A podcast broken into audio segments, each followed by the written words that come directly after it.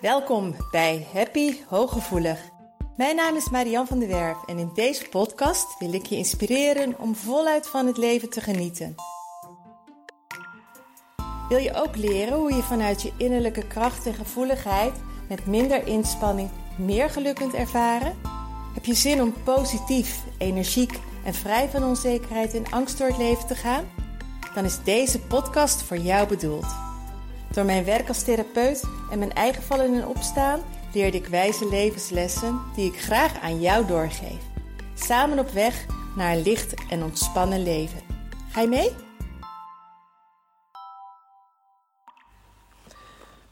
Hoi, welkom bij een nieuwe aflevering van Happy Hooggevoelig. Fijn dat je weer luistert. Waarom is het zo belangrijk om naar binnen te keren? Voordat ik daar iets over ga vertellen, ga ik eerst uitleggen wat ik met naar binnen keren bedoel. Omdat um, jij daar misschien wel een hele andere uitleg aan zou geven. En, uh, of een hele andere uitleg al gehoord hebt. Maar ik vind het belangrijk om eventjes te melden wat ik daaronder versta. Naar binnen keren, daar bedoel ik mee dat jij helemaal alleen bent. Dat je je oog sluit. Of dat je helemaal alleen bent en wandelt ergens waar je niet hoeft op te letten. Zodat je alle ruimte hebt bij jou en je systeem, ongeacht of het lukt of niet, maar dat je in ieder geval de ruimte, de vrijheid creëert, de setting creëert waar jij alle ruimte en tijd hebt om stil te staan bij wat er bij jou van binnen zich afspeelt. Aan gedachtegang, aan emoties en aan fysieke sensaties. Waarom? Omdat je als je met andere mensen om je heen bent, is A altijd de energie vermengd. B ben je altijd gericht min of meer op de buitenwereld en is er altijd ruis op de lijn. En zeker jij met je hooggevoelige brein en met je hooggevoelige emoties en met je hooggevoelige gedachtegang en met je hooggevoeligheid. Jij kunt dat niet als er andere mensen om je heen zijn. Tenzij je bijvoorbeeld um, in, een, in een klooster bent of dat je met een groep aan het mediteren bent. Dan kan het zijn dat het jou ook lukt. Maar het mooiste is op het moment dat je even helemaal alleen bent op een plek waar jij je prettig voelt Waar je dus eventjes gewoon helemaal je bewust kunt worden van je innerlijke wereld, noem ik dat. Je, je emoties dus, je gedachtegang, je lichaam, eh, de spanning in je lijf. Wat er dus bij jou van binnen gebeurt. En waarom is dat nu zo belangrijk? Omdat 95% van jouw gedachtegang om te beginnen al onbewust is. Um, laatst was er hier iemand en die zei van, eh, nou, ik, ik ben niet negatief over mezelf hoor. Want toen zei ik op een gegeven moment van, zijn er dan ook uh, kritische stemmen in je hoofd? Toen zei ze, nee, dat valt wel mee. Ik ben, ik ben niet zo negatief over mezelf. Terwijl een sessie daarop gingen we bij haar naar binnen en kwamen wat meer bij haar inner being en bij haar gedachtegang en ehm, het wel of niet in alignment zijn. En toen bleek dus dat ze enorm veel negatieve gedachten had. Dat ze continu de hele dag door van zichzelf vindt dat ze anders zou moeten zijn en dat zoals zij is het niet goed is. En dat is wat er dus heel vaak gebeurt. En dat is dus ook waarom je je vaak zo naar voelt en overprikkeld voelt, omdat je niet de tijd neemt om stil te staan bij wat er bij jou van binnen afspeelt. En als je niet weet wat er zich bij jou van binnen afspeelt, kun je er dus ook niet op anticiperen. En dan denk je soms dat je heel goed bezig bent, maar je bent ongelooflijk uit alignment en je zit in, in je overlevingsmodus of in je aangepaste modus. Of je blijft doorlopen met een vorm van verdriet of frustratie zonder erbij stil te staan. Of je gaat juist, wil er juist bij wegblijven, waardoor je het in stand houdt en uh, de emmer vol gaat lopen.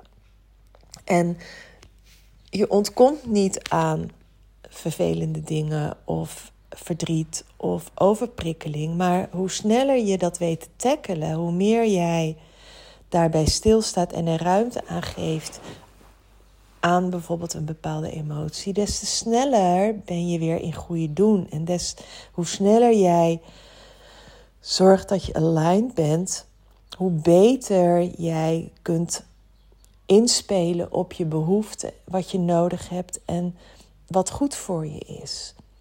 En dat is wat er vaak niet gebeurt. En dan is alleen maar een warm bad hebben of een keer vroeg naar bed gaan niet genoeg. Dat is ook niet de beste manier van zelfliefde. Het is een onderdeel van zelfliefde. Maar echte zelfliefde is jezelf geven wat je nodig hebt. En jezelf op nummer één zetten. Daarin. In de basis. Hoeft niet 100% van de tijd. Ehm, ik ga het even met een voorbeeld illustreren. Want bij mij gaat het ook niet altijd perfect. Hè? Ik bedoel, um, daarom geef ik juist wel voorbeelden van mijzelf ook. Omdat ik ook niet 100% van de dag aligned ben. En bij mij alles altijd roze geur en maneschijn is. Wat gebeurde er? Afgelopen donderdag ging ik met mijn paard voor de allereerste keer alleen op stap voor een les bij iemand uh, ongeveer drie kwartier hier vandaan. En dat ging in, met de trailer laden ging het goed. Ze stond heel snel in de trailer. De reis ging goed.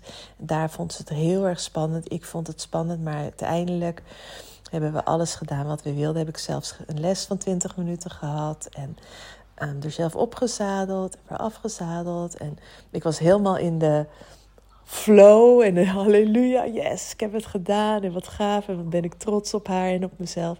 Totdat we de trailer in moesten en ze de trailer niet meer inging. En zoveel weerstand en zo ja, niet willen en of dat dan allemaal angst is of ja, ze kan niet praten. In ieder geval was ze er niet meer oké mee, met als gevolg dat ze er nu vijf dagen later, vier dagen later nog steeds is en ze eerst weer trailer moet laden. En ik was daar heel erg verdrietig over. En in eerste instantie blijf ik dan ook in mijn hoofd en ben ik heel rationeel en ben ik heel adequaat van, nou dan moet ze hier gewoon blijven. Het is wat het is. We gaan het oplossen. Ze krijgt trailertraining. Ze is gelukkig bij iemand die uh, paarden ook traint. Ze staat daar helemaal goed moet zo zijn. Weet je, dan kan ik dat heel nuchter in eerste instantie eventjes heel nuchter ehm, oplossen. Maar dan, dan komt er zo'n bibberstemmetje. Dan komt er een onbestendig gevoel in mijn buik. Dan komt er uh, emotie en ontlading en in mijn lichaam. En daar kan ik aan voorbij gaan als ik wil. Hè. Dat kan ik blokken.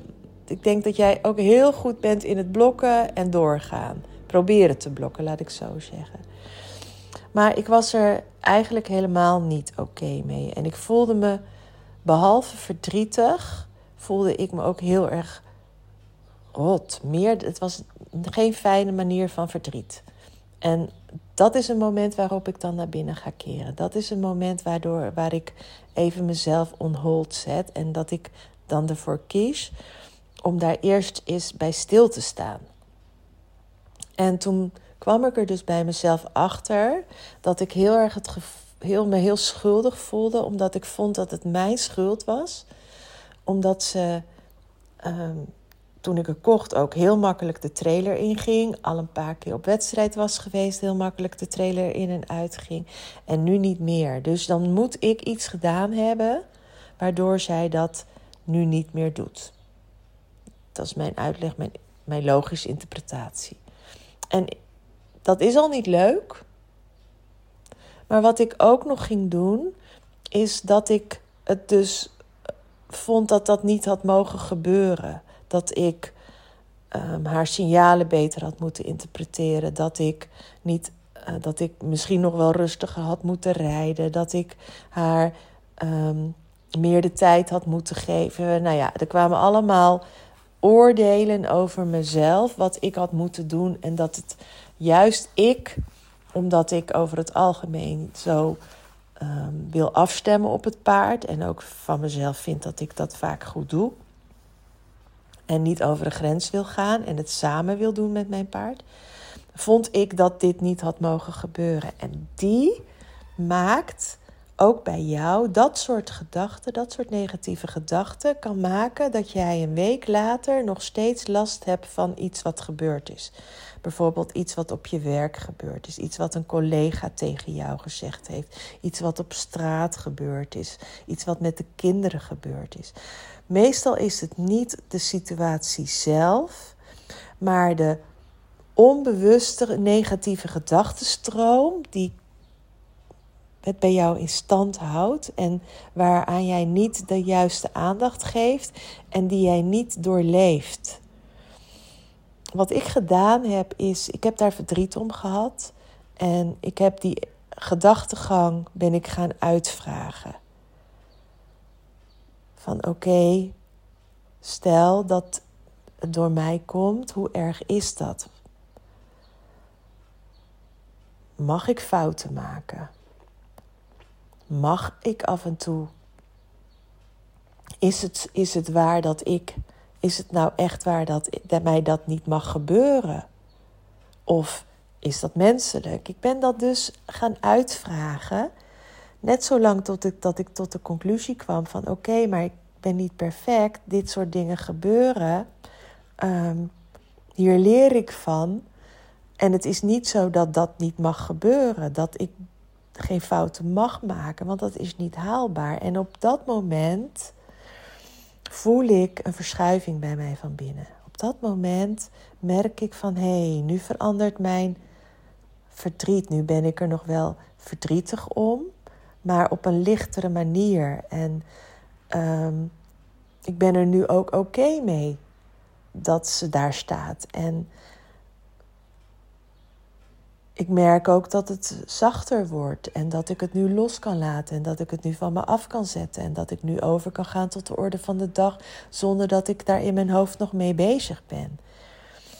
En ik had er natuurlijk voor kunnen kiezen om die ruimte en die tijd niet te nemen. En dan had ik er waarschijnlijk nu nog een heel rot gevoel over gehad. Maar ik moet zeggen dat um, ik denk natuurlijk wel veel aan haar. Maar ik doe thuis ben ik eigenlijk net als altijd nu. En hoop ik dat het snel beter is dat ze volgende week weer thuis is. Want, en het gaat al vooruit, ze zijn aan het oefenen met haar. Ehm, en ik laat me meenemen in de training. Vanavond ga ik zelf ook oefenen. En ik leer daar heel veel van. En ik... Het is een leerproces bij mij. Maar de lading is er af. En die lading was er dus, dit gebeurde donderdag. Die lading was er dus um, vrijdagmorgen al af. Omdat ik vrijdagmorgen, na een wat onrustige nacht en verdrietig zijn en met name dus dat nare gevoelde, maar in mijn gedachtegang mee bezig ben. Dat was vrijdagochtend nadat ik dus naar binnen was gekeerd en die gedachten uitgefilterd had, bevraagd had en de emotieruimte had gegeven, was het weg. En dat is het essentiële van naar binnen keren. Want zeker omdat jij hooggevoelig bent, weet ik duizend procent zeker dat die innerlijke criticus bij jou heel actief is. En ik weet eigenlijk ook zeker dat er heel veel situaties zijn dat jij het wijt, je, je nare gedachtegangen, je nare gevoelens, dat je die wijt aan de situatie, maar dat de essentie van het nare gevoel zit in een nog diepere gedachtenstroom en een onderliggende emotie die aandacht nodig heeft. En daar kun je alleen maar bij komen wanneer je naar binnen keert. Zelfs vaak kun je daar niet bij komen wanneer je het aan iemand vertelt. Omdat bij heel veel mensen je vertelt het wel, maar dan blijf je toch nog in die oppervlakkige stroom zitten. Dat mensen zeggen: ja, joh, maar zo is ze altijd. Dat moet je gewoon naast je neerleggen. Of iemand zegt van: joh, um, ze bedoelt het niet, hij bedoelt het niet zo. Dat komt wel goed. En daar ben jij dan niet oké mee. En dan blijven je gedachten maar malen. Heb ik het nou wel goed gedaan? Dit en dit en dat. Nou, en in zo'n situatie moet je echt even een laagje dieper gaan. En het gaan uitfilteren en gaan uit vragen. is het waar wat ik denk? En dan zeg je misschien in eerste instantie wel, ja, dat is waar, dat kan. Is het waar wat ik denk? Ja, ik denk echt dat ik een fout heb gemaakt. Ja, dat ik ergens over de grens ben gegaan met Magic. Oké. En dat had niet mogen gebeuren. Ik kwam er dan achteraan en dan ga ik daar naartoe. Is dat waar dat dat niet had mogen gebeuren? Is dat echt waar? Als ik daar nou, is het echt waar? Als ik voel, is het echt waar dat dat niet had mogen gebeuren? Nou, jij zal gelijk al nee zeggen, maar ik zei in eerste instantie van ja, dat vind ik wel, want ik ben therapeut, ik stem zoveel mogelijk ook af met de paarden, ik werk soms ook met de paarden, dat mag mij niet gebeuren. En daar ga ik dan, besteed ik gewoon echt veel tijd aan. Dat ik dat echt ga uitvoelen. Van ja, maar als ik nou eens naar mijn inner being ga, is het dan normaal dat ik zo hard voor mezelf ben dat ik dat niet mag doen? Dat dat mij niet mag gebeuren? Nee, tuurlijk mag dat mij gebeuren. Ik ben ook maar een mens. Ik ben ook maar gewoon Marjan. Ja. Nou, en dat mag jij ook doen. En dat gaat je zeker weten helpen. En ga daar alsjeblieft echt tijd voor maken. Want juist dat overprikkelde kopie van jou is non-stop met dit soort dingen bezig. Of het nu gaat over je werk, over je familie, over je collega's, over de kinderen, over je echtgenoot. Ah, we maken er zo'n verhaal van. En het komt vaak zo hard binnen, kleine dingetjes, waaraan je vervolgens voorbij gaat omdat je vindt dat je daarmee moet kunnen dealen. En in jouw binnenwereld, jouw hele rijke, hooggevoelige binnenwereld, gebeurt zoveel. Dus alsjeblieft, besteed daar tijd aan. Keer naar binnen, heel regelmatig. En stem af daarna op wat er nodig is. En hoe vaker je dat doet, hoe sneller je dat doet, zodra je bepaalde ongemakken bespeurt, hoe eerder jij weer gewoon in goede doen bent. En hoe minder die hele extreme overprikkeling ontstaat. Ik hoop dat je, net als bij de andere podcast, ik hoop dat dit heel erg helpend voor je is. Laat me het weten. Doeg! Dank dat je luisterde naar Happy Hooggevoelig. Heeft deze podcast je nieuwe inzichten gegeven? Je doet me groot plezier met een recensie op Apple Podcast. Je kunt je natuurlijk ook abonneren op dit kanaal in jouw favoriete podcast-app. Want elke week staat er een nieuwe aflevering voor jou klaar. En wil je nu zelf aan de slag en meer lichtheid ervaren? En sta je open voor nieuwe inzichten en verandering? Neem dan vooral eens een kijkje op mijn website www.zienswijs.nl.